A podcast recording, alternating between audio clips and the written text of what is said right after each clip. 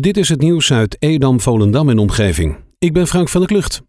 In het jaar waarin gevierd wordt dat het voetbal in Volendam 100 jaar bestaat, kan een oefenwedstrijd tegen RKAV Volendam natuurlijk niet ontbreken. Op woensdag 5 augustus om 6 uur speelt FC Volendam tegen de buurman. Publiek is welkom bij deze jubileumwedstrijd. Belangrijk is wel dat iedereen zich beweegt binnen de richtlijnen die de protocollen voorschrijven. Ook speelt FC Volendam voor het eerst in het nieuwe jubileumtenu. De jubileumwedstrijd wordt aangegrepen om de voetballers van beide clubs voor te stellen aan het Volendamse publiek. Het nieuwe shirt van FC Volendam is vanaf 4 augustus te koop. In een vrijstaande woning aan de Oostdijk in Zuidoost-Beemster heeft gisteren een zeer grote brand gewoed. Volgens een woordvoerder stond de hele woning in brand. Vanwege de flinke rookontwikkeling werd de eerste fase van het regionaal rampenplan afgekondigd. Het bermonderzoek dat de politie uitvoerde op de Zeedijk heeft geen nieuwe aanknopingspunten opgeleverd rondom de dood van de 14-jarige Tamar uit Marken.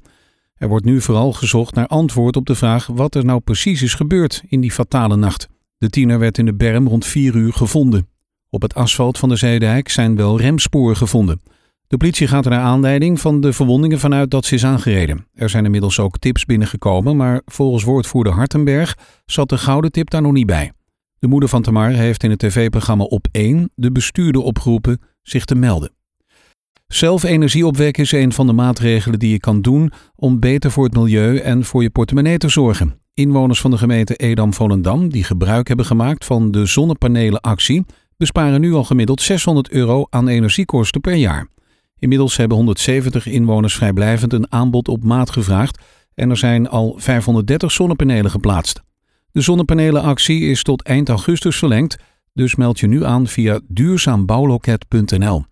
De gemeente Edam-Volendam ondersteunt het samenwerkingsverband van vakkundige installeurs uit de eigen regio. Online supermarkt Picnic gaat binnenkort boodschappen bezorgen in Purmerend, Volendam, Edam en Monnikendam. De supermarkt gaat naar eigen zeggen vanaf half augustus 55.000 huishoudens bedienen in de omgeving Waterland. De plaatsen in de regio Waterland kennen volgens het bedrijf relatief gezien veel huishoudens met kinderen. Picnic is in 2015 begonnen met het thuisbezorgen van boodschappen. De boodschappen worden bezorgd in elektrische karretjes. Voor de regio Waterland worden acht elektrische bezorgwagentjes en 25 bezorgers ingezet. Het Waterlandse Orgelfestijn, georganiseerd door Stichting Orgelkring Waterland, wordt dit jaar geen publiek toegankelijk orgelfestijn, maar een online uitzending op Facebook en YouTube.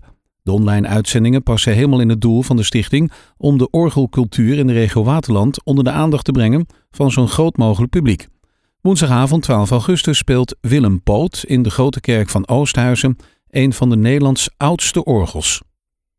Landsmeer heeft vanaf volgend jaar een nieuwe burgemeester. Niet dat de huidige burgemeester niet voldoet, maar waarnemend burgemeester Dennis Straat is destijds tijdelijk aangesteld om in korte tijd een fusie met een andere gemeente voor te bereiden. En dat zit er voorlopig niet in.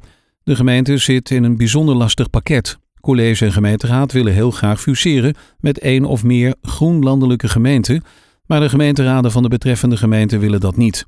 In eerdere peilingen was 25% van de landsmeerders voor een fusie en 65% voor een vergaande samenwerking. De uitvaart van de 14-jarige Tamar uit Marken vindt eind deze week plaats in besloten kring. Dat zegt Richard de Wijze, woordvoerder van de familie van het meisje. Hij weet op dit moment niet of er in de komende tijd nog andere activiteiten worden gepland om Tamar te herdenken. Uit de tweewekelijkse RIVM-update blijkt dat de groei van het aantal coronagevallen in de regio Zaanstreek-Waterland doorzet, net als in de rest van Nederland.